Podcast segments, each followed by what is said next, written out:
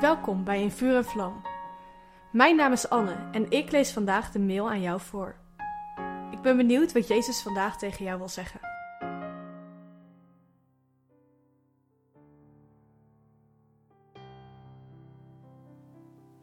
In de vorige mail hebben we gekeken naar de vrouw die van Jezus hield voor wat hij voor haar had gedaan.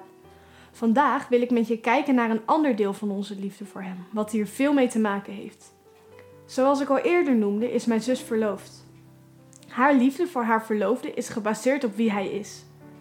En dit is ook een belangrijk onderdeel van onze liefde voor Jezus. We houden niet alleen van hem voor wat hij voor ons doet, maar we houden ook van hem om wie hij is. Het zou gek zijn als mijn zus alleen maar met haar verloofde wilde trouwen, omdat hij bijvoorbeeld vaak voor haar zou koken of elke vrijdag met bloemen zou komen. Ze trouwt met hem omdat ze van hem als persoon houdt.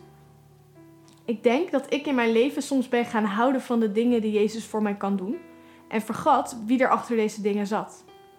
Ik ben misschien gaan houden van vergeving en de zekerheid van de hemel of de fijne gevoelens tijdens aanbidding. Alleen ik wil van hem houden voor wie hij is als persoon. Ik wil niet enkel lief hebben omdat ik er zelf wat aan heb, want dat zou egoïstisch zijn. 1 Korinthe 13 vers 5 benoemt juist een kerneigenschap van de liefde. Zij zoekt niet naar haar eigen belang. Liefde is gefocust op de ander. Ik hoop dat je begrijpt wat ik bedoel. Natuurlijk, ik hou van hem omdat hij geweldige dingen voor me doet. Maar ik hou juist van hem voor wie hij is.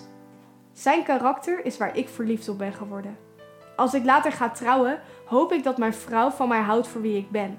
Niet alleen om wat ik voor haar kan betekenen.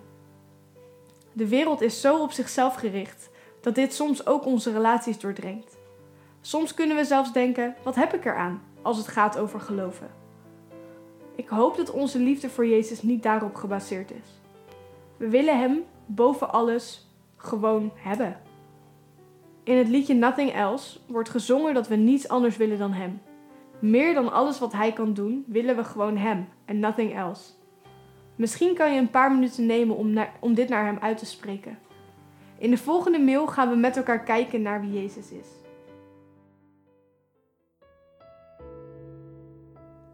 Wat leuk dat je hebt geluisterd naar In Vuur en Vlam. Heeft de tekst je geholpen om God beter te leren kennen? Deel In Vuur en Vlam dan met je vrienden. Meld ze aan op streef.nl slash in vuur en vlam.